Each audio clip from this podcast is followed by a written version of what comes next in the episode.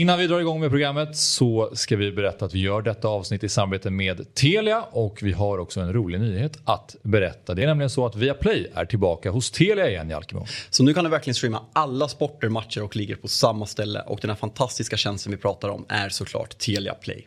I appen kan du streama alla matcher live eller i efterhand om du så skulle vilja. Och förutom alla sportsändningar så kan du såklart se alla filmer, serier som finns hos Viaplay, Simor och Telia. Och dessutom, du kan lägga till tjänsten HBO Max utan extra kostnad. Där bland annat den fantastiska serien White Lotus säsong 2 streamas för tillfället. Mm, den, är, den är grym. Nu kan du som sagt då samla allt innehåll från Viaplay, Simor och Telia på ett ställe. Dessutom ingår alla matcher från Allsvenskan från Discovery+. Och priset då? Bara 699 kronor i månaden. Oslagbart. Verkligen. Vi säger tack till Telia som är med och möjliggör detta program. Fotbollsmorgon presenteras i samarbete med ATG. Odds på Premier League, Allsvenskan och all världens fotboll.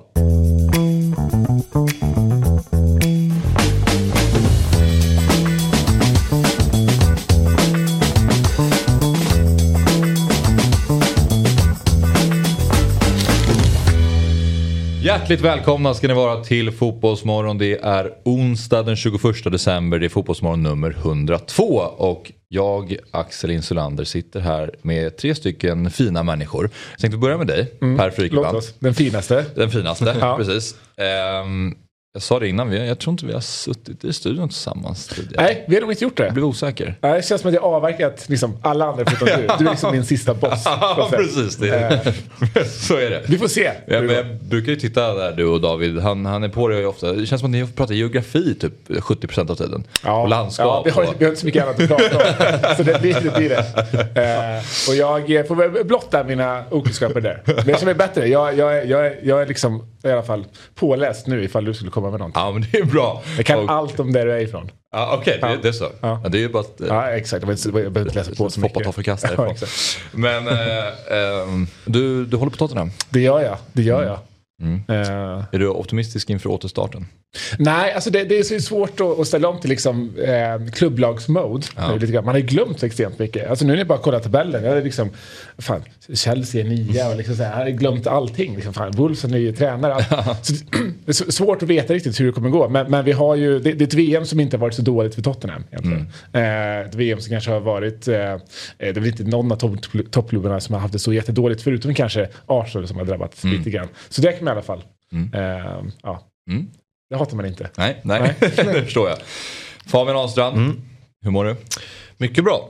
Mm. Mycket bra. Presentation av dig känns överflödig. Men du håller på Djurgården. Du har försökt, du har, du har försökt eh, be mig Ja, och du prestera mig. Nej, det är 27 år. Precis, det är det vi landar i. Och eh, just nu eh, klubblös. Ja, Ja. men jag mår bra i alla fall. jagar ny klubb, jagar ny klubb strax under allsvenskan, sla- strax under superettan. Precis. Jag vet inte hur mycket jag jagar, men Det är spännande att följa. Men nu till våran eh, gäst, eh, Jakob Ortmark. Välkommen till Fotbollsmorgon. Stort tack. Tack. Eh, ni två känner varandra lite sedan tidigare, har jag förstått. Eh, Vi är ju barndomsvänner. ja. med många fotbollstimmar framförallt tillsammans. Ja, Ja, Mycket bråk. Ja. Alltid. Väldigt mycket bråk back in the days. Kanske inte mellan oss två, men eh, mellan andra. Ja, nej, men vi, vi har... Ja, nej, men vi är ju uppväxta tillsammans. Ja. Och ja, framförallt så har vi spelat extremt mycket fotboll tillsammans. Så. Och nu pratar vi Stocksund eh, klubbmässigt eller? Nej, vi spelar väl, snackar väl privat. Spontant. Bara liksom spontan ja, fotboll. ja, vi var ett gäng som latchade egentligen varenda lediga tid vi hade. Mm, och det var ju på blodigt allvar. Var var det någonstans då i Stockholm? Var, Stockhagens IP. ja. Där, och det är där Stocksund spelar eller? Ja. just det. Lite fina, fina Fina. Stockhagen. Ja, Men det finns IFK Stocksund och Stocksunds IF? ja nej, men det där är ju... IFK Stocksund är ju en ny klubb som Mm. grundades 2000... Kan det ha varit 2007? Någonting. Är det så långt bak? Ja, jag tror det. Eh, för att Ortmark eh, gick ju till BP i tidig ålder och då ville väl de starta en ny klubb, en lite elitsatsande klubb för att behålla var talangerna därför. från, från området. Det var kanske Det var katalysator. Ja. Ja, Det var katalysator. Kanske Ja, var ju, han var ju, jag tror han kom fram och knuffade eh, Mattias Eller, tränaren då som jag hade i BP. På så här, Vem gjorde det? Falkenberg turnering, SM. Efter jag hade gått dit. Det var ju lite tjafsigt. Vem sa du gjorde det? Eh, Karsten, inte. Han Det är way, way back så det, är- det är lugnt att spela. Ja, han nu grundade den klubben, Okej. IFK Stocksund. Ja. Som bland annat hade ett väldigt framgångsrikt lag, pojkar 00, som Mm. gick och vann Gotia. Som, utan att släppa in ett mål, där bland annat Samuel Brolin spelade. Han gjorde det? Okej. Men din moderklubb Jakob är Stocksunds IF. Ja. Innan Ja. du gick till BP sen. Med, med gula eh, dräkterna och Ah, okay. lite mer eh, känsla i. Alltså en stor hockeysektion i Stocksunds IF faktiskt. Uh, Monstret har ju det som moderklubb tror jag. Eh, Gustafsson. Gustafsson. Sen har vi ju Mattias Janmark. Spelade där. Vejdemo. Ja, Lukas Vejdemo. Så det är många, många talangfulla hockeyspelare som kommer. Vem var mest talangfull av er när ni spelade? Går inte att jämföra. små. Nej det går inte att Är jämföra. så? Jakob är en av de, alltså seriöst en av de största fotbollstalangerna jag stött på. Ja. eh, faktiskt. Eh, jag kommer ihåg när Jakob var, men, när du gick i förskoleklass, alltså det gick ju inte att ta bollen av honom. Nej. Uh, Jakob har ju alltid varit ett bollgeni. Förskoleklass gick inte att Det är ändå, då är man bra. Ja, tack. Helt omöjligt. Men du, du får ju tänka på så här, när vi, när, alltså, det är ändå två års skillnad mellan oss. Och när vi, vi började spela på mycket, mycket tillsammans, då var väl du en kanske 10 och vi var 12. Ja, för då gör ju de två åren ganska mycket. Det gör ganska mycket. Men Jakob var ju så pass bra så att han var ju ändå, en av, alltså var ju ändå typ bättre. Eh, men det är klart. Jag har ändå en liten procentdel i Jakobs framgång. Det har jag. Nej, men man, man tittar tillbaka på de där tiderna med värmas. Mm. Det var riktigt fint. Hur minns du Fabbe då? Nej men alltid, eh, vi spelade ju mycket så här, två mot två mot ett mål med en keeper. Och då, eh, alltså Fabbe var ju absolut en av de bästa där. Alltså speak. Ja. Eh, jag hittar mina vägar att vinna. all, all, alltid så, men också väldigt äcklig alltid från i tidig ålder. Ja. Liksom fusk och lite sådär. Och du är där, bråket alltid startar. Det var en liten argentinare där. liksom. Ja, ja, det är en De Paul alltså lite i dig. Alltså. Men eh, hur var du som fotbollsspelare? Ja, bedrövlig. Eh, Eller spelar du fotboll idag? Ja, nej, inte- nej inte idag. Alltså jag, jag kom till liksom division 6 nivå. Ja. Liksom. Men jag, jag, är ju, jag är från Karlstad, då får man ju bara spela, spela hockey. Liksom. Så det var jag som, det var, jag, Ah, det var bäst. Ja. Eh, ju monstret att se upp till. En bland Ja, ja, ja. Så, det, mm. Jag Men spelade du hockey cirkeln. i Färjestad? Ja. Okej. Var, du- var du hockeytalang då? Eh, alltså, alla som spelar hockey är ju per automatik hockeytalanger. För det finns ju inte en så himla stor pool. Alltså bara du lirar när du är liksom 16-17 så är du liksom lite på kartan för att bli draftad. Så är, det, precis, är det stor sannolikhet att du Ja, kan bli proffs. Exakt, exakt. Det var den vägen man borde Så gå. enligt, enligt så säga, den matematiken så ja, en extremt stor talang. Förstår du en annan spelare som spelat i Färjestad? Som heter han? Zdeno Jara. Ja. Ja, Han ja. har kunnat vara jag. Han är också typ 205 eller något. Ja, ja, jäklar. Jag kommer ihåg när han... Eh, jag, jag började jobba som eh, sportreporter på Nya Värmlandstidningen då under lockout-säsongen 2005. va? Ja, precis. Ja. Eh, det var, ja, det var mäktiga tider. Han var, han var en snäll människa. Och så var Sheldon Surrey som var ganska mycket motsatsen. Alltså en extrem playboy. Ja, det. Mm. Eh, han hade ju, eh, eh, fick ju sin, sin, sin lägenhet av klubben och det var, ja, det var diverse besök i den lägenheten. Okej. Ja. ja. Ja, det var otroligt Ja, lockout-säsongen verkligen, faktiskt. verkligen. Men, eh, vet inte hur tydlig jag var Jakob, men för alla som inte eh, har koll på det så du spelar fotboll i IFK Norrköping. Mittfältare. Ja. Och då har vi vägen då Stocksund, BP, Gävle, Degerfors, Sirius och idag Peking. Ja. Ehm, du, eh, det känns som att du har liksom, de här senaste åren, jag, har ju, jag hade inte asbra koll på det när Degerfors-tiden och sådär. Även om Nej. jag vet att Fabbe eh, har haft koll på det hela tiden eftersom ni känner varandra också.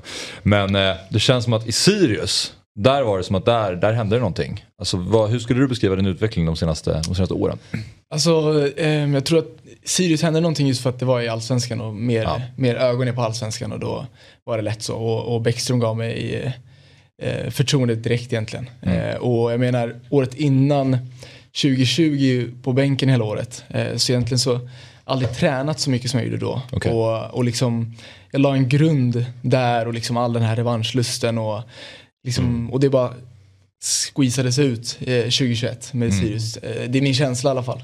Mm. Eh, så, så egentligen det året var väl eh, liksom frukten av ett eh, jävla hassel liksom i, Ah, okej. i jävla utlåning och sen Degen i två år. Och, Ja. Så det, jag var inte förvånad över den utvecklingen för jag la verkligen ett stenhårt jobb året innan. Ja. Eh, men, men också bara Ola Andersson liksom, och, och Bäckström då gav mig galet mycket, hur säger man? Push och självförtroende. Liksom. Och då, då, som alla fotbollsspelare vet, då är det enkelt och enkelt och enkelt, men då är det enkelt att prestera. Mm. Vad innebar det här jobbet som du la ner? Liksom, tränade du mycket mer än alla dina lagkamrater? Ja men i och med att jag inte spelar matcher så fick jag liksom hoppa in kanske sista tio, eh, gå till gymmet efter matchen, eh, morgonen efter träna med, med bänken och, och eh, unga spelarna och liksom smålagsspelet där så körde jag med vänsterfoten mot dem för att liksom träna den och, och men på ett ödmjukt sätt. men, men om det finns ett ödmjukt sätt att säga det, nej, men, det, det finns inte. Men eh, nej men på riktigt alltså och sen eh, för liksom, eh, jag jobbar mycket med Sebastian Pisano, eh, som ni kanske vet. Och, och liksom en, en eh, köttbit i frukost då med, med cashewnötter i pannan liksom för att bygga fysik och det var den man Okej, vad- kan du utveckla vem han är då? Pisano? han är, han är en eh, fystränare eh, framförallt. Men också en, eh, en allt-i-allo som är fantastisk på alla sätt. Och, Okej. och jag, han jobbar med WeSport, agenturen jag jobbar med. Okej. Eh, så han är egentligen min, eh, en i teamet kan man säga. Eh, så till exempel nu i december är är det dit jag går och, och tränar och så vidare. Och så vidare. Så, Och kost? Eh, ja, med alltså, hela paketet Ja. kan man säga. Ja. Så eh, han började jobba med 2018 där. Och sen dess har jag liksom lagt en fysisk grund som, jag har alltid varit liten liksom. Men, Mm. eh, men det fixades också där 2020. Eh, Hur mycket upplever du att det har hjälpt dig då? Alltså att du har kanske blivit mer muskulös? Nej mycket, Eller? för det för när jag var yngre då var det mest dribbla liksom och, Mm. som gällde. Men en fysik som in i mitt fält där måste du ju Mm. måste ha på plats för det annars kommer du inte långt liksom. Nej. Så är det ju. Hur många gram kött åt du varje morgon? Nej men kanske två gånger i veckan en, en eh, 250 gram till frukost så. Det känns... Alltså, Nej men Ja. det, det är Da- da- men, men det var, det det var Med, cashewnötter? Ja men alltså det var några år sedan Ludvig Augustinsson träffade jag då i gymmet eh, och så berättade han att han Ludvig Augustinsson, Tibbling, alla de här är galna förebilder för mig, för liksom jag kommer från BP. Just det. Och um, han berättade att han körde det. Och jag bara, fan det där, alltså, du vet det är också på något sätt mental träning. Ja. Käkar jag en köttbit till frukost, alltså det är ingen som kommer stoppa mig på träningen då. Tänkte jag liksom. Ja, just det. Ja. Eh, även om jag ska möta bänken i Degerfors liksom. Eh, all respekt till dem. Ja. Eh, så, ja på så vis är det. Och det är, ja, folk har ju såhär, ah, det är, jag blir så tung i magen av köttbit. Nej, det är, det är som balsam liksom. Ja. Det är perfekt. Men var det, det Jordan B. Peterson. Vadå? Jordan B. Peterson. Han, han, ja. Går, Ah, Jordan går Peterson. Kött, kött, Ah. Köttdieten. Kör han det också? Ja, Ja, exakt. ja, det- jag, jag har inga andra jämförelser. Nej, men det var- så, bara innan vi lämnar frukosten, men det var, det var bara köttbiten och så strött på lite cashewnötter på Ja. typ. Otroligt. Så. Ja. Men, men när du kör det och är liksom så här, i, i- Degerfors, hur är det liksom? eh, För det, det känns som en enormt hög nivå av professionalitet från dig. Va, vad möter du liksom i, i omklädningsrummet i, ja, men när det var i Degerfors då i Superettan till exempel? Sticker Ja. du ut då och är lite, Jo, lite. Håland-konstig? Eller vad? Jo men det blir ju så, och sen, men sen delar jag inte med mig av det så mycket. Eh, men just, och sen också eko, ekonomiskt, jag hade ju inte en monsterlön i Degerfors direkt. Så all, liksom, jag gick ju plus minus noll kan man säga. Ja. För det kostar ju rätt mycket att käka lite frukost tänker jag. Så, men det var ju en investering, för jag någonstans liksom, eh, där visste jag att liksom, lägga ner det här jobbet nu så kommer det löna sig. Liksom. Vad var det för kött? Nej, men entrecote eller, eh, eller eh, köttfärs, ekologisk köttfärs. Ja, det kunde vara lite Så, ja. olika. Ja. Cashew är också ganska dyrt. Ja, men det är, det är alltid värt det när man är för fotbollen. Så är det. Men eh, i Lilla vår... klicken B också. Nu börjar det komma. Aj, fan. Du kör den här granen-middagen. den Tre. nej, nej, nej, nej, nej. Skag, skagen till förrätt. Eh, och fläskfilén. Fan, ni förstörde hela min bild av eh, romantiska bilden jag hade. Jävla B där. Nej, för fan. Men eh, i vårt allsvenska magasin på Dom TV 352 eh, så har ju Fabbe varit en, en panelmedlem och i Siriusåren, och kanske till och med lite innan dess, så har ju, du pratade ju alltid om Jakob som att så här, det här är en av de bästa spelarna i allsvenskan. Och, Med objektiv, objektiva ögon. Nej men du, du, har, du har ett bra fotbollsöga. Och det, det är ju inte bara visst att ni känner varandra men du har ju sagt så många andra spelare som sen har liksom ändå fått lite Ja. mera hype efter att du har varit Ja, på. men alltså, jag visste ju direkt när Sirius plockade Jakob att det skulle bli en suverän värvning. Även fast du inte spelar så mycket året Degerfors gick upp till Allsvenskan så visste jag att det här är en riktig kvalitetsförstärkning det eh, Sirius gör. Och det har man tycker jag sett nu i efterhand när Jakob har gått till Norrköping att Sirius har saknat någonting där på mittfältet. Och du var ju riktigt bra där i, förra året i, i Sirius. Tack. Um, så är det. Så, så är det ju. Mm, vi ska fortsätta gräva lite mer i din karriär. Ja, ja, det var intressant just det här att du gick till BP som nioåring. Du vet. Mm. Det är ju väldigt, det är en het debatt du vet. Det här, ja, att, man, att ja. unga spelare inte ska gå till elitsatsande föreningar tidigt. Och jag menar, från Stocksund till Bromma är ju ganska långt liksom, geografiskt. Eh, men vad står... Ja, ja men i den åldern. I, den, i den åldern. Också extremt... Fina Stockholmsperspektiv. verkligen, verkligen. Ja. Jag håller helt med. Ja. Det är några arga norrlänningar just nu. Nej, men, de, de vet inte vad rusningstrafik är. De har ingen aning där uppe. Som pendlar med bilen. Så Exakt. Ja. Och behöva åka två stationer för att ta sig till fotbollsträningen. Det är, det är för jävligt. Ja. Men som nioåring är det inte lätt. Ja, ja, fortsätt. Men du, du vet vad det kommer just det här att mm. unga spelare ska gå till elit, mm, mm. Uh, elitsatsande föreningar i tidig ålder. Hur, hur ser du på den? Den alltså, delen av diskussionen? Och... Nej, jag, jag är helt, helt för mm. eh, elitsatsning, obviously. Men mm. eh, jag tycker att det är en eh, väldigt mesig eh, sida som hörs alldeles för mycket i Sverige. Mm. Liksom. Och, och vi, vi snackade om det mm, eh, Eh, jag träffade min, eh, min tjej förra året, och Sebbe Jägerstig, en nära vän till oss. Första han kommenterar, han bara om ni får barn, fattar ni vilket passningsorienterat barn ni kommer få? det är det första han säger, för hon är från Spanien. Och, och jag menar, jag älskar det. Alltså den attityden att liksom, eh, nu ska inte, bebisen ska inte komma ut och eh, lära sig titta över axeln direkt. men alltså, men på något sätt, men alltså det, den här rösten som är för mesig i Sverige hörs alldeles för mycket och det är så här mellanmjölksvägen. Och jag tycker verkligen man måste kunna separera dem och, mm. och liksom eliten ska kunna få, uh, få höras och få accepterat av den breda publiken också. Ja. För jag tycker att, ja. när du kom dit då, som väldigt ung, du kände ingen press då på att leverera? Att jo, jag menar det var, ju, det var ju helt galet ibland. Men det, till exempel vi mötte Göteborg i en inomhusturnering när jag var 10. Vi var med 3-0 och så kom vår tränare efteråt och ställde upp oss i hallen så här. Vi alla kollade upp så här, du vet som tioåringar gör. Och så bara, mm. ni var så dåliga idag så jag har chansen att sluta. Jag kommer ta den om ni inte spelar bättre nästa match. Mm. Alltså bara skäller på oss liksom. Mm, mm. Man, eh, och det var ju bara okej. Okay. Mm. Så. Och sen är BP ju kulturen så, så att det är liksom accepterat. Men, eh, men eh, på något sätt så gillar jag det. Alltså. Mm. Det, det, det alltså, formar den. Tror du att det är det sättet som är det bästa att ta fram elitfotbollsspelare? Att ta fram bra landslagsmän? Liksom? Uh, ja, i grunden. Kanske inte just den retoriken. mm. men, men i grunden absolut. Mm. Det tror jag. Det är bara, alltså, BP har ju fostrat. BP kanske är den hårdaste skolan med Malmö i Sverige. Och det visar sig. Mm. Nej, det finns ett gäng duktiga mm. pubertalanger genom åren, så är det verkligen. Jo, men vi ska återkomma mer till, till dig Jakob. Eh, jag ska bara säga att vi kommer byta kanal här för Fotbollsmorgon efter årsskiftet. Då, för er som tittar på Dobb-TV nu då, så kommer inte den, eh, vi kommer inte sända Fotbollsmorgon där utan vi kommer sända det på Fotbollsmorgons egna kanal. Så gå in och prenumerera på den så att ni vet om när vi kör efter årsskiftet. Då. Sen så är det ju så också att eh, det är eh, Premier League som nu drar igång på Boxing Day den 26. Och eh, igår så gjorde vi ett fantasyprogram, jag och Jesper Hoffman och Tobias Wimnell. Som finns på Dobb-TV. Så att, eh, köp ett årskort på Dobb-TV för 499 kronor. Ordinarie pris är 599 så det är en fin liten julklapp. Och eh, utöver Fantasy-TV så får man Eurotalk, Norrata Fotboll och Quizaleta. Dessutom ett gäng Eurotalk specialavsnitt som Christian Borell har spelat in. De, de älskar han. Ja, de ser man fram emot. De ser man fram emot. Ja, ja där är det nördigt. Det, det, det utgår jag ifrån. Ska ja. inte tro något annat. Nej, det är liksom, titta över axeln. Det är ja. det, det, ditt eventuella barn skulle vilja kolla på. Skulle vilja kolla på Christian Borrells specialer. Ja, Så att eh, de eh, hittar ni på Dobb-TV. Årskort för 499 som sagt. Lite headlines då. Eh, din eh, radarpartner eller din eh, mittfältskollega Jonathan Levi är på väg att säljas enligt Disco och Daniel Kristoffersson på Sportbladet. Besöker Puskas Akademia i FC, FC i Ungern.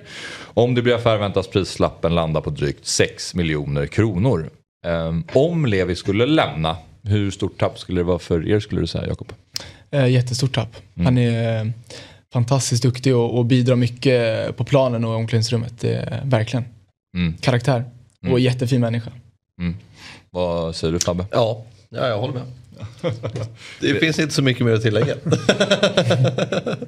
Fabbe är vår allsvenska expert här i, på dem. Och eh, man kan inte prata allsvenska med honom. För då får man svar i den... Vadå då? Nej, jag vet inte. Du vill inte vara så kontroversiell längre? Nej men det är alltså, Han gillar inte att utveckla sina svar. Han vill gärna hålla dem... jag, har fått Kort en och lås, koncis. det är, ja, men jag har fått en låsning av att det är viktigt att vara kort och koncist om man inte har mer att tillägga av värde. Nej, jag är helt för det. För den här amerikanska ordbajseriet, det är bara... Ja. Jag är riktigt trött på det. Kort och koncist är bra. Problemet är att ibland så, om man bara svarar bra, det, kan, det är lite svårt att veta vad det innebär. Men det var ju efter att Jennifer Wegerup var med här i Fotbollsmorgon som Fabbe blev helt ställd av hur, hur, hur bra hon var, hur effektivt hon pratade och hur bra hon liksom kort och koncis. Och då, så där har du bara svarat kort på alla frågor du har Ja. Du har studerat Jennifer Wegerup. Ja exakt, hon var ju med här och då var det, då var det väldigt imponerande. Ja. Men, men Levi har väl eh, fantastisk eh, skapa chans-statistik i Allsvenskan och, och liksom, det säger allt egentligen. Och, Ja, Han har varit med här också mycket och man, han är ju lätt att älska. Alltså, Hur stor skulle det vara att tappa honom för omklädningsrummet tänker jag? nej men alltså, som jag sa, det är, han är verkligen en god, god människa. Och eh, ja, vi får se. Så, men för hans skull hoppas jag att det blir exakt som han vill. Ja. Ja men där kan jag väl lite tillägga, alltså, han har ju ändå, trots att han inte är från Norrköping så har han ju blivit en Norrköping-profil. Och, eh, vad jag fattar väldigt populär Ja. bland supporterna. Så det är skönt ändå tycker jag att han går till ja, men utomlands och inte till liksom, Göteborg eller AIK. Eller. Ungern är lite otippat. Ja, ja, men Det, det, har man inte hört. Nej. Jag, jag kan inte erinra mig någon jag kommer på någonstans. ja, men, Eh, eh, säkert när jag missar. Men eh, men det var där Bojan och Mutumba Ja, gick alltså, precis. De drog ju till Videoton eh, Ja. i Ja, Ungern det. då. Så det var, men det var ett tag sedan då. Men ja. Men den, den, de satsar ju ganska mycket Ungern nu va? Gör de inte det? På Det-. Jag vet att Djurgården mötte ju- Djurgården mötte ja, ja, ja, ja, ja, ja. absolut.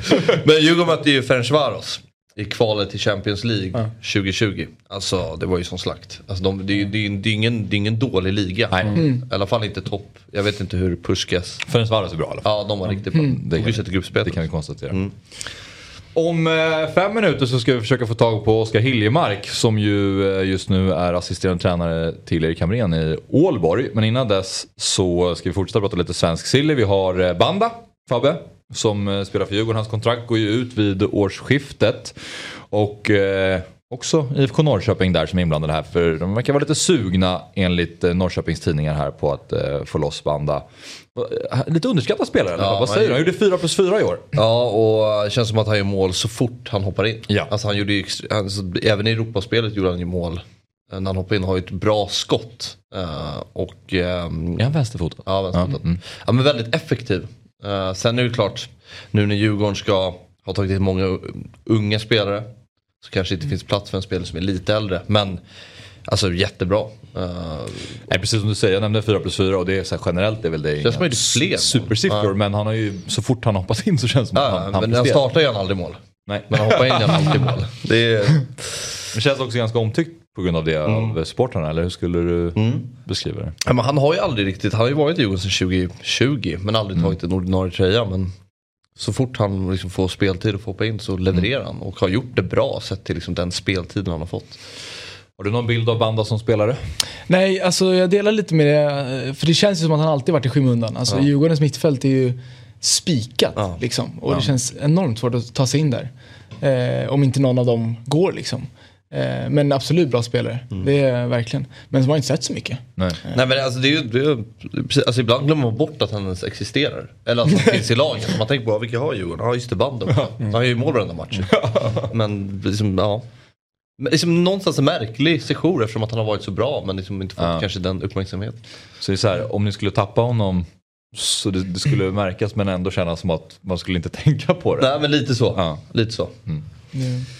Eh, en annan spelare vars kontrakt går ut vid årsskiftet det är Adam Carlén som spelar för Degerfors. Och eh, nu ryktas det enligt eh, Karlskoga tidning Kuriren att han eh, ska gå till Blåvitt. Så att eh, vi får väl se om det blir så. Men där är en spelare som du har spelat med Ja. i Degerfors. Han, alltså när du säger Blåvitt, det passar ju perfekt alltså. Ja. Det känns som en ung, potentiellt bättre Gustav Svensson. Mm. Eh, med, de, har ju, så, de har ju lika mycket eh, frisparkar orsakade. Okej, ja. Det, det är fint. Det är där man går på. Ja, han är grym på att bryta bollen alltså, det måste man ge honom. ja. Vad säger du om uh, Carléns? Nej, men ja, där var instämma att det pa- passar perfekt i Blåvitt. Och, Ja. eh, Är han mest så defensiv präglad Ja, ja, ja, bra bollvinnare och ja, men som alltså Gustav Svensson typ egentligen. Ja. Ehm, och kan han ha en bra mittfältskamrat som han haft i Gravius och, och dig bland annat så är, är han nyttig. Sen, Ja, verkligen. sen det, det gäller att hitta en roll för en sån spelare. Kämpade ni lite om samma platser när ni Det spelade var vi, jag? Kristos och Carlén som liksom kämpade om ett eh, 3-4-3 på, på mitten där. Ja. Två positioner. Ja, okej, okej. Ja. Eh, Egentligen i två år när jag var där. Ja. Och då var det då Det var oftast Christos Carlén och ja. och Gravis som tog Ja. platser? Vi försökte på ett treman mittfält men det gick åt helvete så det, de, de gick tillbaka till två där. Så då åkte jag på den. Ja. ja, men eventuellt en fin värvning för Blåvitt då. Ja, verkligen. Nu ska vi se, vi tar fram våra hörlurar här. Du har eh, där också Jakob. Så ska vi eh, prata med eh, Oskar Hiljemark. Oskar, eh, välkommen till Fotbollsmorgon. Tack så mycket. Tack så mycket. Ehm, jag tänker så här, vi börjar direkt bara och du får ta oss tillbaka till 2021 när du fattade beslutet eh, att, att lägga skorna på hyllan. Och det var ju ett gäng skador som, som satte, sto- satte stopp för det, eh, har jag förstått. Ja, alltså det var väl en... Eh, det var väl en tid av lite höftoperation och sådär, men det var ganska bra styr på det. Jag gjorde min sista i, Italien och sen så körde jag ett år i en bra rehabperiod och sen ett år i Ryssland utan problem egentligen. Kom till Danmark, eh, funkade fint på försäsongen och sen så spelade vi, jag tror jag spelade fem matcher eller någonting. Och sen så gick jag ihop med Nordsjällands målvakt och Slog väl sönder större delen av höger höft och sen så har väl det suttit i sig. Jag gjorde väl en nio månaders rehabperiod innan jag bestämde mig att nu får det vara nog. Så, att, eh, så det var det. Tufft beslut eh, emotionellt på alla vis, men det är så det är ibland. Så att, eh, det var inte så mycket ord om. Nej. Ja, för du slutade ju bara 29 år gammal och idag så är du assisterande tränare i Ålborg eh, i danska ligan där du då avslutade spelarkarriären till Erik Hamrén som är eh, huvudtränare. Beskriv eh, ert samarbete lite grann.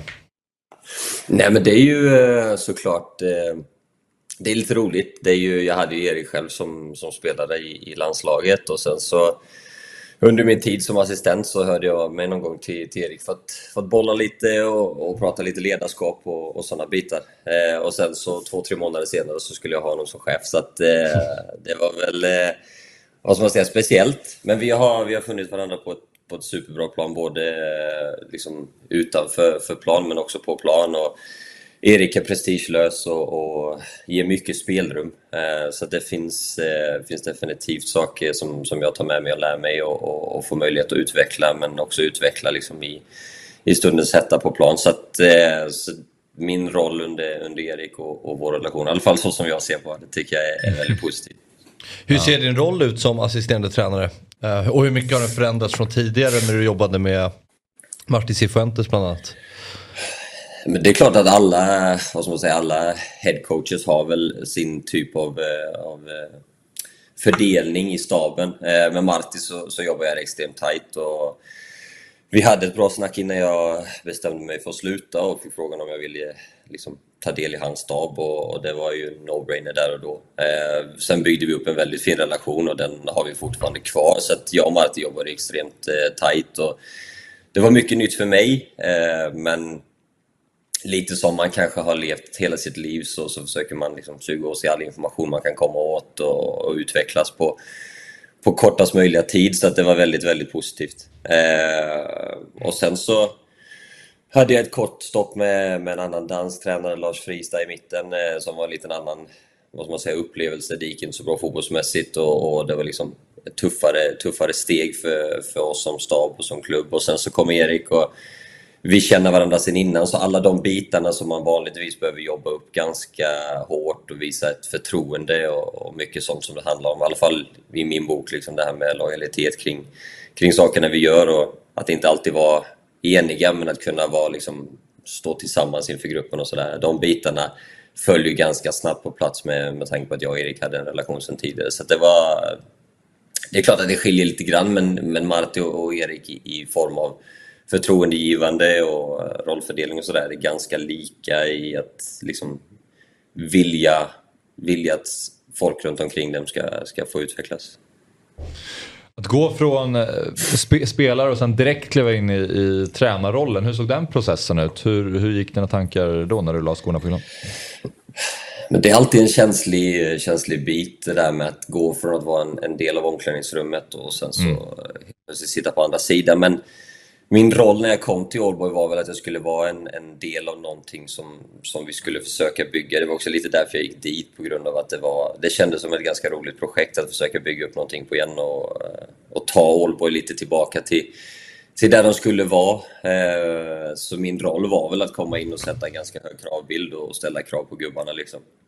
Eh, och sen så byggde jag snabbt ganska några liksom, fina relationer men så helt plötsligt så hamnade jag vid sidan av och där var jag ju i 8-9 månader och under den tiden så var man ju mer som någon form av, vad ska man säga, hjälpcoach slash eh, lagkompis. Eh, någon som kunde finnas där och snacka och någon som kunde ge tips och, och vara där i omklädningsrummet innan match och så vidare men inte liksom kunna gå ut på plan och bidra. Så att, så den övergången kom väl eh, ändå på något sätt lite naturligt. Eh, och jag tror att för mig var det viktigt, jag, jag hade lite snack med dem jag hade närmast relation med innan jag valde att ta klivet, att det kommer ju förändra en del.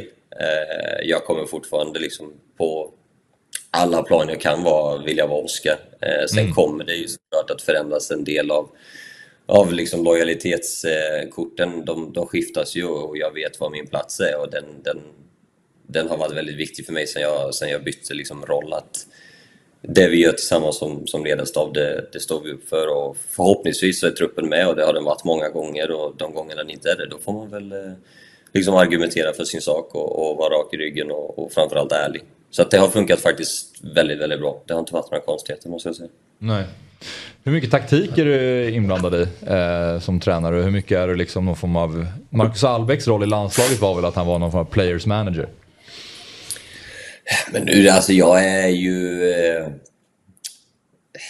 till min eh, frus eh, stora förtvivlan så är jag ju en eh, fotbollsnörd på ganska grova, med grova mått. Så jag, jag spenderar ganska mycket tid med att se extremt mycket fotboll och, och analysera motståndare och komma med idéer och tankar. Och jag brukar presentera en, mina åsikter i form av en gameplan när vi, när vi diskuterar och det har jag gjort med alla de tre jag haft mm. som chefer. Och, och sen är det alltid upp till headcoachen i slutändan att ta det slutgiltiga eh, beslutet. Liksom. Eh, och det kommer, väl, det kommer ju med de rollfördelningar man har i en stab. Så att jag försöker vara delaktig, jag försöker komma med mina tips och tankar och i mångt och mycket så, så tycker vi väldigt lika om saker och ting och de gångerna vi inte gör det så, så tar i det här fallet Erik ett, ett slutgiltigt be, beslut och det är det vi kör på. Så att, men jag får definitivt en, eh, en fin roll där till att uttrycka mig och, och komma med tankar och idéer och, och lösningar på, på problem vi har.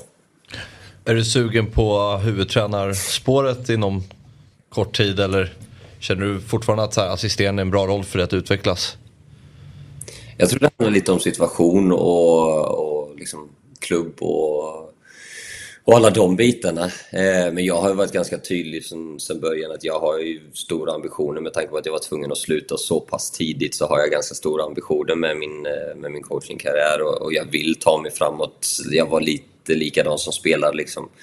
Att stå och stampa på, eh, på en hylla för länge är inte riktigt liksom, det är inte riktigt mig. Eh, jag har full respekt och full förståelse för vad som krävs för att, för att ta de stegen. Men jag har ju ambitionen om att vilja vara headcoach. Eh, den, den ambitionen och den kommunikationen har jag varit väldigt tydlig med. Jag, jag trivs superbra med min roll i, i Ålborg idag, men skulle det komma ett alternativ eller det komma en diskussion eller att Ålborg inom några år så skulle ge det, den möjligheten så är det såklart någonting som, som jag absolut hade, hade tittat över. Så att, eh, men det ska vara rätt. Det ska, det ska vara rätt eh, klubb, det ska vara rätt filosofi och det ska liksom finnas en plan för det hela. Eh, just nu trivs jag superbra i Ålborg och vi har minst sagt en ganska tuff vår till, till mötes. Så att det, det mm. finns ambitioner och det finns tankar om, om det i framtiden. Och, och I fotboll kan det gå extremt mycket snabbare än vad man tror, men det kan också ta längre tid. Så att,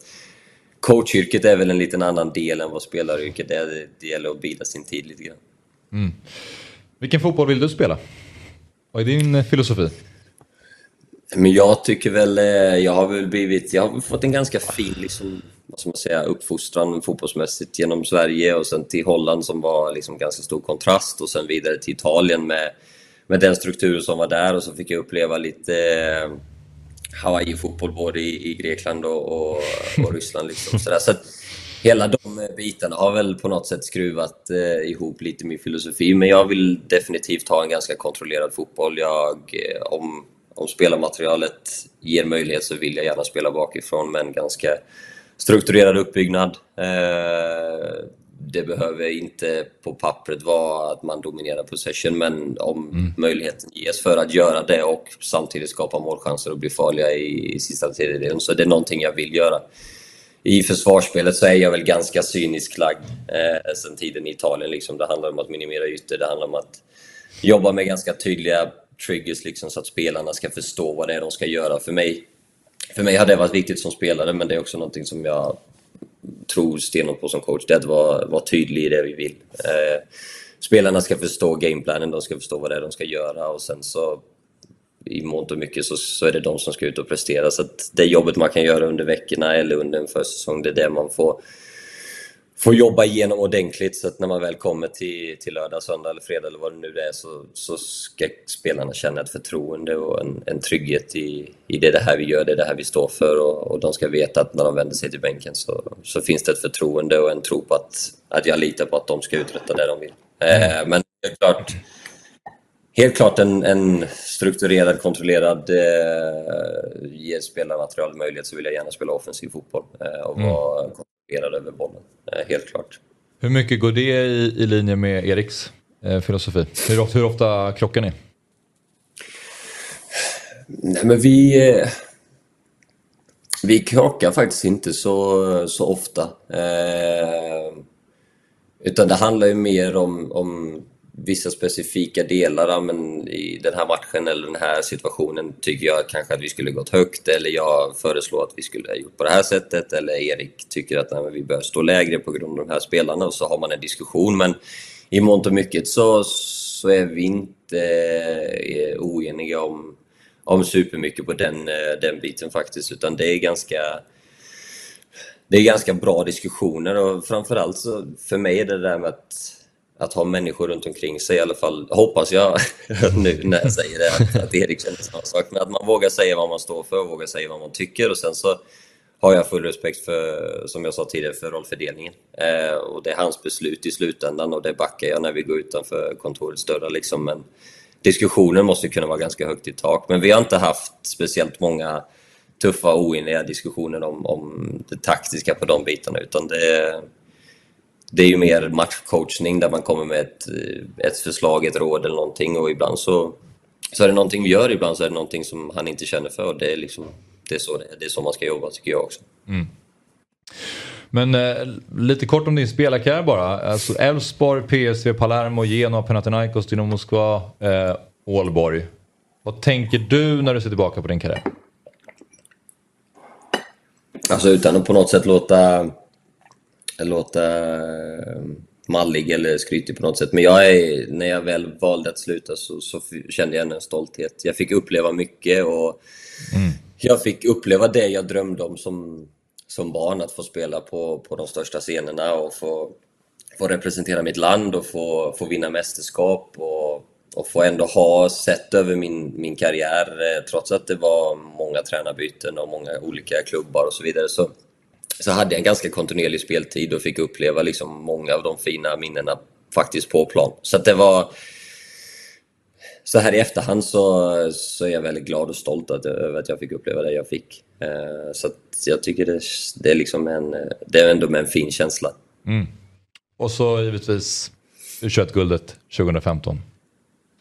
Ja, alltså på något sätt så nu, nu fick man ju liksom möjlighet. Jag fick möjlighet att vinna i Elfsborg, jag fick möjlighet att vinna i PSV och sen så och sen så liksom få vinna ett, ett guld med ett, nu var det inte ett A-landslag, men det var ändå ett U21-landslag i ett EM som, som var lite på något sätt i, innan vi gick in i det här gruppspelet så tänkte man oh, det här blir eh, svettigt. eh, och, och de lagen som var där och sen så Alltså om man ser i efterhand på, på de vägarna som spelarna har tagit som vi mötte där med Bernardo Silva och Harry Kane och de gubbarna så är det klart att så här i efterhand så, så var det stort eh, att få Ja. uppleva det men också att få, få så här i efterhand inse att vi som lag och det är det jag tycker är så fantastiskt med fotboll att, att oavsett kvalitet på spelarna om, om det finns en tydlighet och en struktur och det finns en en, liksom, en tro på det som lag, eh, både som individer men också som, som 11 gubbar eller 22 gubbar liksom, i en trupp. Att, att vi gör det här tillsammans så, så kan man vinna fotbollsmatcher. Kanske inte 10 av, av 10 men man kan vinna matcher som betyder otroligt mycket och under stor press och, och på så sätt skapa lite, lite historia. Så, att, eh, så det var stort. Mm. Ja men eh, tillbaka till, till Ålborg då. Ni ligger på eh, elfte plats i tabellen. Eh, näst sist eh, med 14 poäng. Det är en tuff position för er. Eh, vad tänker du kring, kring fortsättningen av säsongen?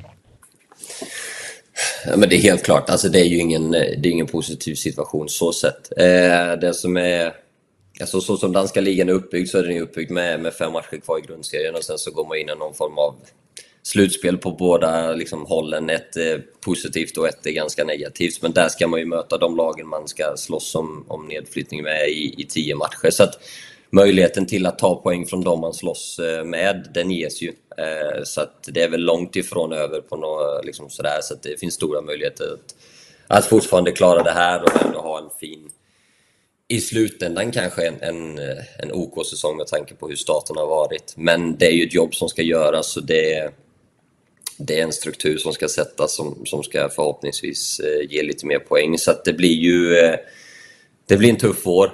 Eh, sen så lika, liksom, lika märklig som ligan har varit på, på höstsäsongen, fortsätter den att se ut likadant på våren så, så kan det ske otroligt mycket konstiga saker. jag säger. Ja, vi får väl se. vad, vad, vad, vad tycker du om ser, alltså hur seriesystemet är upplagt? Att det är liksom slutspel kontra liksom rakt seriespel?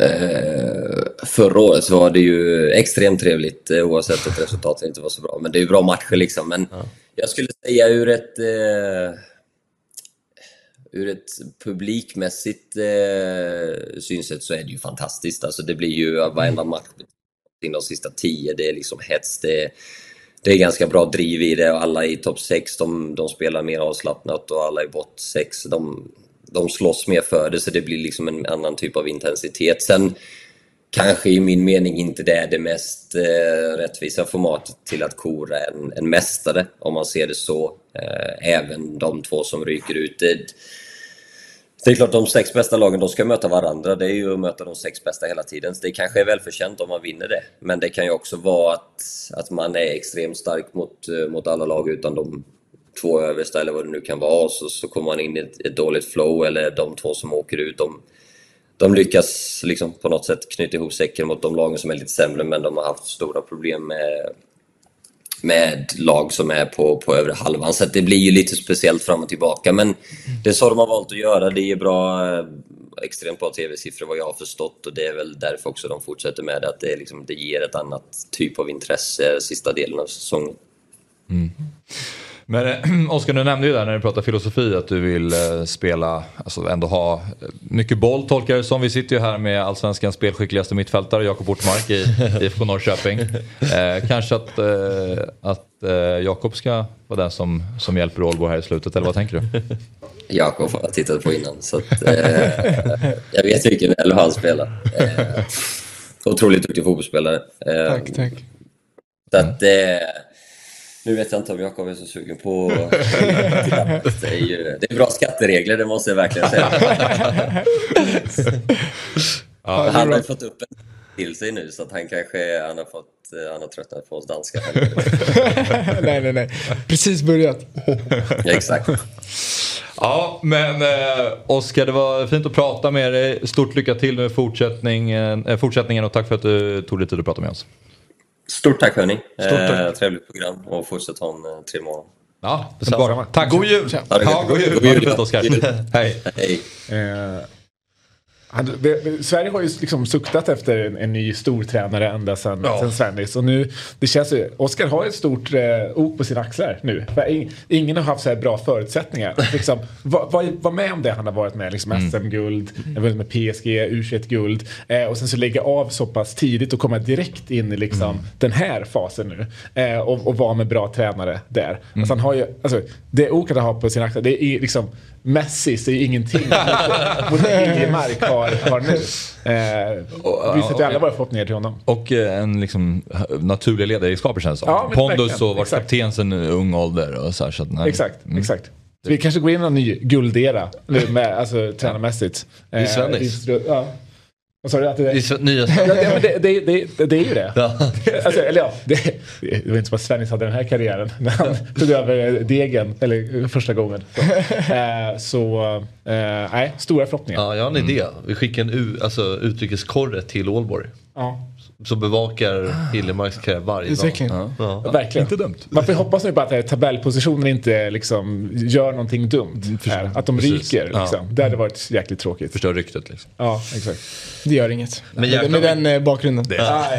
Men det är ju det är en sjukt imponerande spelarkarriär måste man säga. Alltså att man verkligen. på tränarperspektivet också hur många intressanta tränare han har haft under åren. Han har haft De Serbi till exempel och, Just det. och spelat i Palermo, Genoa, Dinamo Ja. Moskva. Alltså, Ja. Det är en... Det är. PSV med mix. Cocu tror jag hade som tränare och sådär. Så. Ja, som Ja. du säger, pressen är på honom. 28, verkligen. 28 landskamper på CV Ja. eh, glömde jag också. Så att, eh, han ändå... Det är en fin karriär. Verkligen. Extremt. Så är det, men eh, tillbaka till, till våran gäst, Jakob Ortmark. Eh, jag tänker att vi ska prata lite om er säsong också i, med Norrköping. Ni har ju haft liksom ett, ett jäkla lag på pappret men flög inte riktigt. Vad, vad, det, vad skulle du peka på för att säga varför det inte blev så bra som ni hade hoppats? Eh, stor fråga. Eh, Mm. Varför? Eh, jag har försökt fråga mig den eh, mycket och det finns ju många, många svar tänker jag. Alltså bra saker i fotboll tar ju en jäkla tid liksom. Och jag känner väl att det och tid är det sista man har eh, i elitfotboll. Så eh, och om man inte presterar, om man inte liksom, vi börjar med, eh, vad var det? Varberg hemma där som torsk och sen AIK, Djurgården, torsk, torsk. Eh, och vi, på de sätten vi torskade mot Djurgården också borta där, det var, det var tungt så. Och, Ja, ni fick ju väldigt billig straff. Ja, jag- ja, jag vet fan. Jalle, jag snackade med Jalle igår faktiskt, han sa också att det var billigt. Men, eh, men nej, alltså jag har väldigt svårt att sätta fingret på vad det var som, som gjorde. För som sagt, vi har bra spelare och sådär. Eh, och, och kompetenta, kompetent ledarstab mm, efter och före Rickard blev sparkad. Och, och, men, men eh, som spelare, man kan väl säga att man har upplevt att det har varit, det har varit blåsigt liksom. Eh, och, och det är svårt att och kanske, eller svårare att prestera när, eh, när det är blåsigt. Men det är också som ni säger, när, när man, blå, blåsan piper liksom så är det då är det match och då har vi presterat för dåligt. Så, ja, det- jag har jättesvårt att säga vad just det är som är var Hur mycket felet. påverkas du av liksom, den mediala runt omkring eh, laget? Nej men inte, inte någonting sånt. Jag, Nej. jag läser inte så mycket nyheter och så. Men, men just den... Eh, på planen så har man väl kanske känt om det är någonting att liksom eh, connection och liksom eh, inte riktigt varit där. Eh, och vad det beror på eh, är många faktorer. Men jag tror verkligen att det jag ser det mer som ett år med mycket lärdom. Liksom. Att det finns, eh, som Häcken förra året, de gick ju skit. Och det finns mycket, mycket att lära och mycket att hämta. Liksom. Och jag tror det, så ser de flesta det. Och, och våra sista två matcher mot Djurgården och Häcken där tycker jag man ser en, en grupp som är mycket mer sammansvetsad. Och, och, och verkligen Glens eh, filosofi som löser igenom. Och, och det är det vi kommer bygga på. enkelt. Hur, hur är det att byta tränare sådär mitt under säsongen och gå från liksom ett spelsätt till, till ett annat? Man vet att man har väldigt mycket press på sig utifrån och liksom prestera. Hur, hur, hur är det som spelare liksom?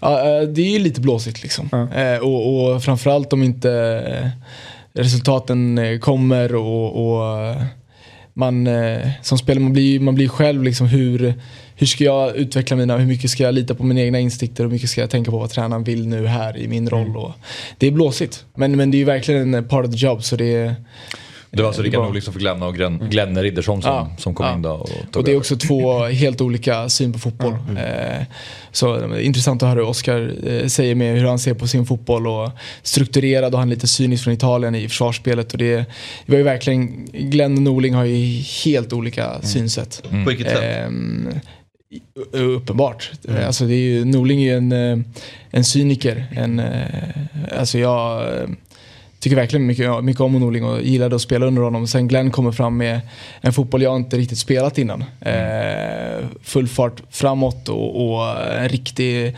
mentalitet och, och liksom påminner lite om eh, Argentinas mentalitet. Jag tror det är han vill få fram liksom och det, det connectar jag mycket med också för jag är ju jag älskar att sparka ner folk också. Liksom. Eh, så, så jag känner att jag, kan, jag har en stor utvecklingspotential, med, med Glenn också. Så, men, men rent filosofimässigt så är det skilda världar. Så det är mer, liksom, apropå det Hillemar pratar om, det är liksom mer struktur med Norling och mer tuta köra med Glenn egentligen. Nej, det, är- det är struktur på båda. Men, men i Glens eh, struktur så är det mycket att eh, liksom friare tyglar till oss och köra. Ja. Eh, Det är lite svårt att förklara. Ja men jag fattar. Ja. Jag är inte så mm, bra på att förklara. enkelt. men det, är, det är en, en kontringsfotboll. Det är väl den tydligaste aspekten kan man säga. Och det har jag eh, aldrig spelat. Sirius, Degerfors, BP, det finns ju inte. Gävle var det bara tennisfotboll. Eh, Så, så här är... var. Ja, nej, men, och kontrings, kontringsdelen är... Det, det gillar jag. Och den, den ska bli spännande att se här hur, hur det går. Men eh, du har ju ett, du har ett mål i den här säsongen. Det är, Två? Det är, jo jag vet men jag skulle absolut flera. Men det var ett som jag ville nämna bara. Alltså bicykletan. Är det borta mot Sundsvall? Ja. Du vann inte årets mål va? Nej, eh, Besaras, Besaras tror jag. ja. Ja. Men jag Känner du dig tycker... rånad? Ja, lite. För alla som inte har sett det, det är, alltså, en- ja, det är, jävla, det är fint tekniskt utfört bicykleta. Borta mot Sundsvall. Men får jag flika in? Jag tycker att den volleyn du gör är snyggare. Ja, den, den eh, vann årens val på Pekingskala. Okej, vänta nu. Det kommer liksom en rensning och du nästan back, behöver backa till det bara. lite. Eh, tycker alla som tittar borde kika upp. Eh, Gör du bara snygga mål eller? Jag önskar ju det mer så här tap-ins bara Ett gäng nickmål också eller? ja, börjar tänka efter. ja, På Levis hörna där. Ja, så han är precis. värdefull för mig rent eh, från ett egoistiskt perspektiv där. Också mot Sundsvall eh, Två hemma där. va? Ja. Ja, det var två Ja. nickmål. Ja, ja nej, alltså. Det är starkt för din längd. Det är bara att man, ja men eh, om du är kort så får du oftast inte gå in på hörnan ens. Då är det så här, man håller dig mm, eh, liksom på Ja. andra ytan. Men nej, nicka kan jag. Det är ju- Uppenbarligen. eh, vi pratade med Felix Beijmo som också spelat i BP en gång i tiden. Eh, ni känner varandra sedan tidigare. Han bad mig fråga om Guys borta 2015. Vad hände då? Kul. Nej, det, det är nog ett av de finaste minnena vi har tillsammans. Okej. Vi, 2015 var ju ett riktigt skitår i BP. Och vi gick eh, dåligt i superettan och sen vårt första seniorår kan man säga. Och sen så vi låg under med 1-0 i halvtid och så vi satt på bänken båda två. Och sen så kom Magne Famberg då in i omklädningsrummet och, och bara, vi byter hela högerkanten. Beijmo och Ortmark, ni går in där liksom. Och vi, du vet, unga, vi var kanske 17, 16, 17 och kollade på varandra och var helt hypade liksom. Ullevi, det var ju, Ja, det. det är ju fantastiskt stort när man är sådär ung liksom. Och, och, och vi gjorde, vi, gjorde en riktigt, vi gjorde ett riktigt bra inhopp måste jag säga. Eh, det var ett riktigt fint minne Okej, har. okej. Att ni båda tillsammans fick kliva in. Ja, och det var så här, han kom in och bara, vi byter högerkanten. det, Var du det högerytter klingar då, eller var det- Ja, jag var ytter när jag var yngre. Ah, okej, okej. Ytter och tia liksom. Ah, okej. Eh, så Matchen slutade. eh, 1-2 till dem. Okej. Gjorde, jag gjorde assist. Ja. Så det var någonting. Men, Ja, ja, Så du kom ändå in och levererade eh, poäng. ja, ja. Man hoppa, hade hoppats på en lite starkare. Jag tror det här är något semibarnförbjudet. ja, ja, det var verkligen. Så Dubbelinhopp. Ja. Ja. Men det är ingen kritik mot dig, det är en kritik mot Beijmo som håller upp den som så här. Jag, menar, alltså, jag, jag förstår att han tar upp det, för internt mellan oss är det mycket fint minne. Men jag har, jag har storyn klingar inte bra här. Det låter verkligen som att det är någonting som är så här. Det här är nästan så att han inte ens får berätta. Någonting hände, guys borta 2015. Ja. Så jag kommer ihåg en gång vi båda fick spela. Det är bra. Jag fick speltid och det fick också fel. Ja, det är riktigt jag svagt faktiskt när jag berättar jag det här. att ni... Eller så får ni, ni lå, får det att låta svagt. Tack för det. Men eh, du är ju också lite, lite känd för ditt konstintresse vid sidan av fotbollen, eh, Jakob. Um, vad, vad kommer det ifrån? Du, du har målat sedan du var hur gammal? Eh, just det. Jag har målat eh, seriöst och aktivt sen jag var kanske 16 eller sånt där. Och, men konstintresset har ju alltid funnits där och eh, pappa har samlat konst hela livet. Vi har alltid konst på väggarna. Så, så det är verkligen eh, närvarande. Mm. Eh, skulle du säga något? Nej. Nej, jag bara tänkte, vad vad är det vi ser här? För, um, det, det, det, Eh, det, dina det- verk. Ja exakt, verk Ja. från min senaste utställning i, i Norrköping. Eh, som är oljeverk på duk. Eh, abstrakt cartoonism eh, kallar jag stilen som är eh, Det är i grunden abstrakta verk som är eh, inspirerade från, eh, från Piet Mondrian, eh, Jackson Pollock och, och så precis vad jag tänkte. Ja. Eh, nej, men, eh, de röda och blåa fälten här är, är från väldigt eh, Mondrian-inspirerat. Eh, han jobbade väldigt mycket med liksom, minimalistisk geometri i, i röda, blåa, gula, gråa färger, vita. Eh, och sen så försöker jag veva in det då med, med det expressiva eh, som är de här eh, om vi drar en fotbollskoppling som är liksom Iniesta-rörelserna eh, som jag tänker på. Det är bra, nu börjar vi förstå. Men, ja, okej, nu börjar ni förstå. Nej, men egentligen, egentligen handlar mycket min, min konststil om, om eh, kontrasten mellan just det geometriska och expre- expressiva. Eh, och jag, jag är all for kontraster i, i livet i övrigt. Eh, så det försöker jag verkligen väva in i, i konsten så. Så vad ska den där tavlan liksom symbolisera eh, enligt dig? Egentligen vad jag, vad jag ser så Ja. eh, är, är just eh, nej men det ljuvliga med, med kontraster. Att, det, att det, ena stunden så är jag lugn i det, i det röda synfältet och, och avkopplad och bara mår bra och sen är det liksom power i det andra där jag är fullständigt fly förbannad eller eh, jag har eh, trevlig stund med frugan eller vad, vad det än blir liksom när det är power. Så, Mm. Eller power låter helt fel med frugan. Men ni fattar vad jag menar, en fotbollsmatch eller vad som helst. Liksom, så, och de här kontrasterna i livet, det, det är det som gör det Man liksom spelar tillsammans med spännande. Bejmo på högerkanten. Ja, men alltså, det är de, de, de fina, fina stunderna i livet. Och där det händer saker liksom, men samtidigt så balansen behövs. Liksom, så det, Fabbe bottnar ju inte i konst generellt. Och du, du, bottnar nästan inte ens i att ställa en fråga om konst. du börjar garva. Så du var så vad symboliserar det? Det funkar inte riktigt. Men vad, vad, har du någon, hur, mycket, hur, hur stort konstintresse har du Per? Nej, inte så stort. Jag, eh, jag målade en del med olja när jag, när jag var liten. Faktiskt. Är 6, 7, 8, 9. Då, då höll jag på mycket. Men jag målade bara eh, kaktuskrukor i fönster, på fönsterbläck. Okej. Det var det jag gjorde. Så jag har liksom Du har ändå en 30 stil då? Jag har verkligen stil. Eh, ja, verkligen. Men annars är det inte. Nej, men är man från, ehm, jag menar, du har varit i Degerfors, så liksom, då är det också, då är det Lars Lerin som gäller. Och så håller man sig på det. Eh, Just vad är det, det det, konstintresse? det, Ja. det, det räcker där. Ja, exakt. ja, exakt. ja, Men, jag, men jag gillar verkligen det här. Det här skulle man ju vilja, vilja ha på väggen. Ja. tack. Min morbror är utställningschef på Nationalmuseum. Eh, Åh, fan, men då. men eh, jag, jag, det, det, det har inte gett mig något mer större konstintresse ändå tyvärr. så Okej. Jag, ja. Du Fan, vad jag, borde, jag borde vara. Ja, han skulle jag vilja träffa. Ja, absolut. Vilket, det kan vi Ja, kan kika på. Ja, precis. Men eh, om, om du fick välja då? Att leva på fotbollen eller på konsten? Vad- Fotboll. Fotbollen. Ja, Det är ändå... Ja, ja. Jag, eh, på senare år har jag blivit eh, mer intresserad. Man blir bara mer och mer nördig och mer och mer intresserad av, av sporten. Liksom. Mm. Och, och i och för sig med, med konsten också. Men, men jag har stora planer på att eh, integrera dem båda i, eh, i varandra. Liksom. Eh, för jag tror många konsten framförallt behövs i, i fotbollsvärlden. Eh, och eh, fotbollsspelare behöver konst Mm. på, ett, på en helt annan nivå än vad de gör idag. Eh, och jag menar det är så enkelt att och ha konst, köpa konst. Det är, och det är ju liksom den äldsta kulturen vi har som människor egentligen. Att ha, göra och, och ha konst. Eh, så att den är så icke närvarande i, i många Fabbe jag tänker på här. Eh, liv eller ja, det, det, det behöver ändras på. Ja. Eh, Men jag tänker, det där måste du ändå utveckla med att fotbollsspelare behöver konsten. På, alltså på vilket sätt menar nej, men, du? nej men alltså du kan finna enorm tröst i konstverk och i alltså, substitut för religion. Tänk, eh, liksom sekulisera människor, sekulariserade människor. Har ju liksom, när det går dåligt i fotbollen då vänder de sig till eh, self-help books som är liksom bara eh, eh, mycket, mycket trams och ordbajseri som vi snackade om. Eh, och, och religiösa människor har Gud, eh, vilket är en, en stor tröst. Och då kan man vända sig till konst och, och kultur och filosofi för att, för att få hjälp. Och det är det jag menar att eh, när det går tufft eh, så liksom om man målar eller bara tittar på ett konstverk så kan det hjälpa.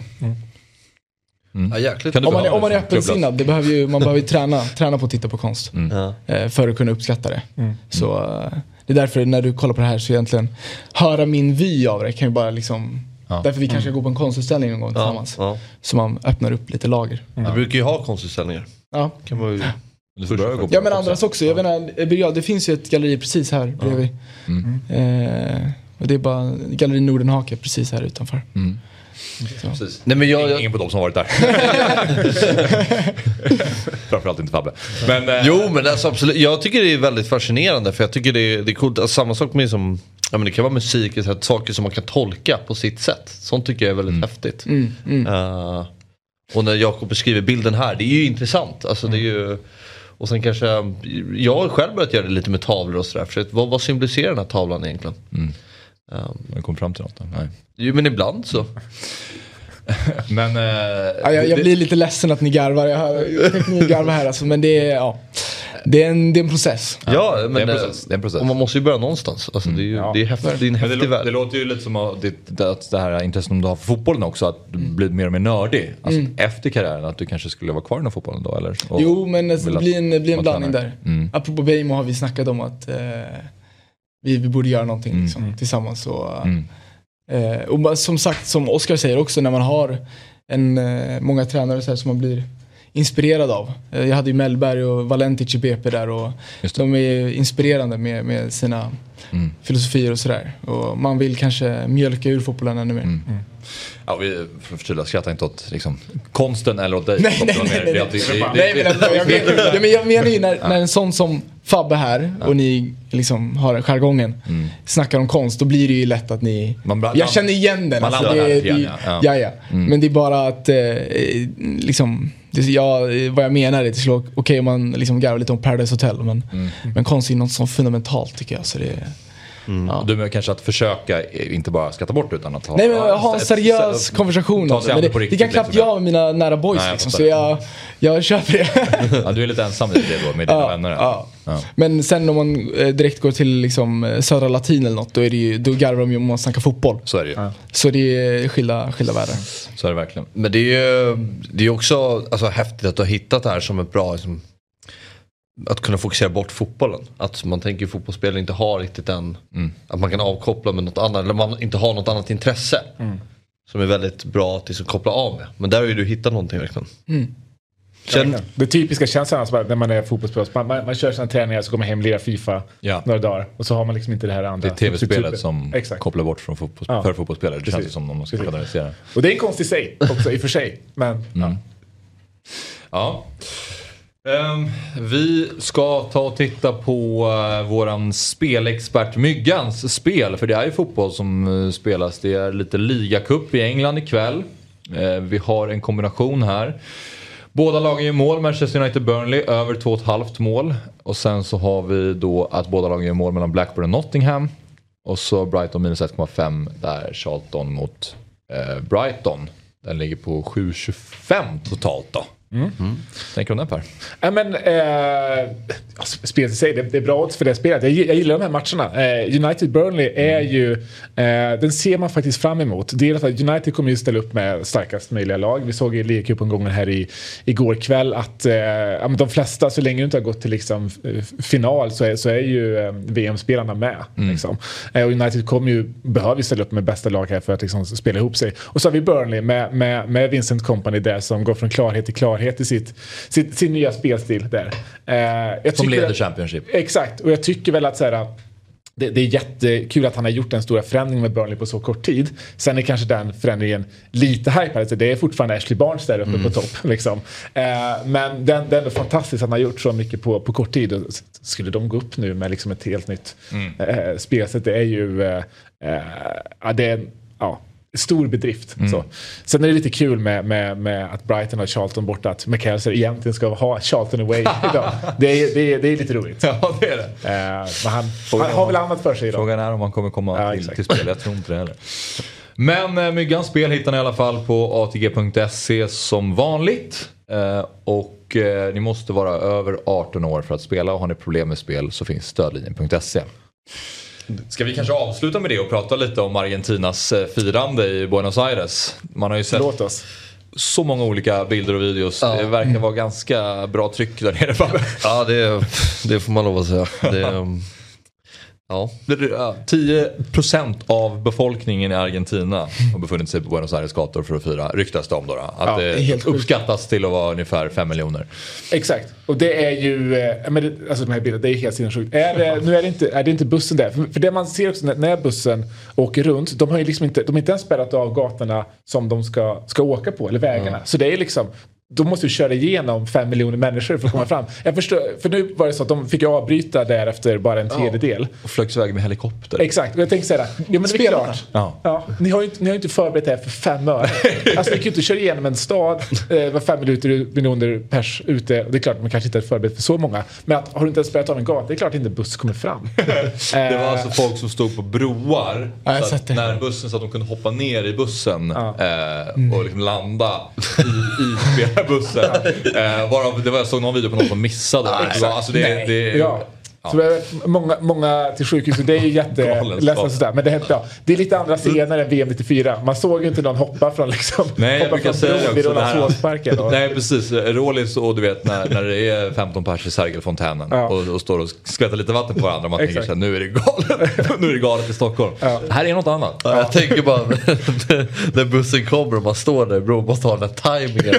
Så man landar innan den... Sen åker bussen väldigt långsamt så det behöver inte jättesvår timing kanske. Nej, exakt. Man vill, man vill inte landa på Messi heller så att det, Ja, det- precis. Ja, för det var det som var så konstigt när man såg de här bilderna på någon som, som missade. Ja. det, är, det, är inte ett, det är inte ett jättelångt hopp alltså ner till bussen. Sen ner till marken blir det en bit. Men det är, det, är en, det är en bedrift att missa bussen. Liksom. Eh, det, det är det skratta. Så är det verkligen. Men sen så det här också när, de, när man ser dem åka förbi, de, de sitter på taket och åker under de här, eh, jag träffar de här elina kablarna. Liksom. Det, det känns ju livsfarligt. Har du sett det? Eh, Nej. De var tvungna att ducka för elledningarna. Det är klart att... ja, men hur, Där är också så här, det hade kunnat gå riktigt illa. Ja, ja, ja. Hur är har man- fem pers Ja. alla bara. Hur, har man inte, hur har man inte tänkt? Ja. Liksom? Alltså att säga, ja om vi åker den här vägen, ja. Ja, Vi, vi blir liksom elektrifierade, ja. Precis. Men det, det känns ju också som att de där kablarna är ju... eh, Det känns ju som att det är liksom argentinsk kvalitet på dem också. Liksom. Så att jag, jag hade inte känt mig Ja, de säker är superspända liksom. Nej, man såg ju dem hängande så här. Liksom så här. Det är ju... Eh, nej, eh, det är, vi, vi får väl se. Alltså firandet är väl inte över än så vi får väl se hur många Det är, spelare... väl, alltså, det är ga- galet på stan och det finns ett gäng galna spelare i det här laget. Och den som är galnast av dem alla är väl ändå målvakten Emiliano Martinez som då hade plockat fram en bild på Mbappé som han hade satt på på någon form av docka. Som han hade med sig i bussen. Exakt. Den är sjuk. Och han, han, eh, det är klart, man- han är en sån spelare som, eh, om den här rövigheten som man liksom såklart kan uppskatta hos spelare som är i ett eget lag. Och det är klart att man liksom har, har skrattat lite åt honom under VM. Men nu, nu, nu är man ju lika trött på honom som man är på Salt Bay. Ja. Eller, eller Salt Bay som det kan- Olof Lund ja. säger. Eh, jo men han är på den nivån nu. Tycker du det? Ja, Nej. Nej. tycker jag det. Salt Bay, alltså. han håller Men på- varför gjorde han sådär? Jag Ja, fatt, det, det är eh, förstod det inte det. Fortfarande ingen som vet tror jag. han vann pris för bästa målvakt och Ja, och då, då, firas gör, sådär. då gör man så. Då gör man så. Ja, Messi gjorde så också. Så bara missade. Eh, Han bakom ser inte helt road ut. nej, nej, precis. precis. Nej, men- Eh, nej, men jag, ja, jag, jag känner att säga Miguel Martinez nu lite grann känner jag. Ja, men jag tycker fokusera först på um, Salt Bay. Alltså fokusera på att få bort honom. Få Ja, liksom, alltså, Han har ju rört Från- den här pokalen mer än vad ja, men vann från VM. all uppmärksamhet Har du sett världen. det eller? Nej, men han var ju nere på planen. Jag honom. fattar inte hur, hur kan han få göra det? Nej. Och fick hålla i Eller? bucklan. Han har Ja. Många som är irriterade över att han var där och liksom tog bilder med samtliga spelare och var på alla och Ja. pokalen. Nej, fruktansvärt. Ja, Ja. faktiskt. Ja. Han, han, han, är, han är ju så här, Marti, han är ju 30 bast och sätter på en, alltså man ska ju inte glömma, Marti, eller så här, Mbappé gjorde hattrick på honom i Ja, finalen. ja, liksom. ja. Eh, så att, eh, det är lite, det är lite, lite väl kaxigt. Så är det, men vi har också räddningen där på Kolomuanis eh, Ja, friläge. Sista sparken i Då, matchen. då hade det varit roligare om han hade en bild på Kolomani där på bänken än på Mbappé. Det hade varit mer liksom, korrekt. Ja det är sant, det är, det är just att det är Mbappé som Ja. han bär på som gjorde tre mål på honom. Ja. Det är klart att det... Ja. Nej. Och så, vänta, han gjorde tre mål under matchen och sen mål i straffläge. Ja, exakt. Så, fyra. Så fyra. Ja, exakt, exakt, exakt. Men det känns ju som de här argentinarna kan verkligen festa. Så de, är, Ja. De tar energin från planen och rätt ut i spelet. Ja, ja. Alltså, Ja. Ja, men verkligen. Man märker ju på de här festbilderna från Buenos Aires att säga, det, är, det är inte konstigt att de här spelarna är som de är. Alltså, Nej, det här nej, landet exakt, är. Liksom helt, helt galna. Men är det fortfarande, har de röda dagar nu eller? Eh, igår var Ja, liksom... Men de kör inte någon så här hel vecka. Liksom. De är ju rätt det. bra Ja. på att göra sånt. Ja. När Maradona rätta, gick bort, jag. men Maradona gick bort var det tre dagar? Bara. Jo, men Tre det- dagars landsår. Ja. Herregud. Ja. Ja, då borde de ju ha... Hö- Vilka höll du på, liksom. vilka höll du på i VM? Argentina. Det var Argentina. Ja, jag är Messi-torsk. All the way. Underbart. Ja. Tror du höll på Spanien? ja, de och Argentina. Men det är inte så... Nej, Messi var inget Ja. annorlunda där. Nej. Ja, eh, det har gått fort idag men det var Det det väldigt verkligen trevligt. Och jag har Verkligen. hunnit med mycket, pratat med Oskar Hiljemark bland annat. Och såklart haft Jakob Ortmark med i studion. Tack för att jag fick komma. Ja, det var verkligen. väldigt eh, trevligt att prata med dig. Detsamma. Och vi alla ska försöka ta oss an konsten lite mer kanske. Absolut, På verkligen. ett, på ett seriöst sätt och inte Låt ju oseriöst när du säger så. På ett seriöst sätt. ge, Jag menar bara ge det chansen. Att, att se på Men det kan vi så- inte så som avsluta med det. tre tips hur man ska gå tillväga om man vill börja bli konstintresserad? Just det. Eh, ett. Så här, öppet sinne. Verkligen. Mm, men det var det jag menade. Ja. Ja. Eh, två, gå till en eh, utställning med eh, polarna res- respektive. Och tre, eh, titta bara. Inte försöka liksom lista ut eller eh, bara försöka mm, titta och om du kan njuta eller om du inte gillar det eller inte. Men bara stå ute mobilen eller något, bara titta i fem minuter eller något så. Mm. Mm. Mycket bra. Det kan vi göra under jul, julledigheten. Precis, absolut. När har du nästa utställning? Eh, oklart. Oklart. Oklart. Jag har lite planer på att ehm, på göra, göra tifo. Eh, men det är in the process. Vad, vad menar du med det? Nej, men jag lämnar det där. Ah, Okej, Spännande. spännande. Ja, Verkligen. Lite såhär cliffhanger. Det, det är faktiskt en, en ganska intressant konstnisch framåt. göra tifon. Ja, exakt. Det måste ju vara det i, alltså, i Djurgården och alla, alla klubbar. Någon som håller på med det. ja, Alltså, menar, det är ju vackra grejer. Så liksom. pass avancerat som det Ja, ja, ja, verkligen. Alltså. Ja. Djurgården är inte så bra dock, men eh, de andra är. Nu ska du nog lämna Stockholm. Tänk på att vi är live. Ja, ja, ja, skitsamma. Ja, återigen eh, tack för att du kom Jakob. Tack för att jag fick komma. Tack. Per Fabbe, trevligt idag. Verkligen. Supertrevligt. Supertrevligt. Eh, God jul. Ja, men detsamma. Och ny- gott nytt år också. Ja, det också. Ja. Det är mycket. Vi har ju ett avsnitt kvar imorgon. Men jag tänker, då, du är här då. Ja, men inte vi. Tydligen. Nej, Nej. Nej. Vi, säger, vi säger adjö. Vi säger adjö, det gör vi. Det är alltså Fabbe och Jesper. Dessutom Niklas Niemi och sen så förhoppningsvis Myggan också. Eh, så ser det ut. Stort tack för idag. Vi ses imorgon igen 08.00. Fotbollsmorgon presenteras i samarbete med ATG. Odds på Premier League, Allsvenskan och all världens fotboll.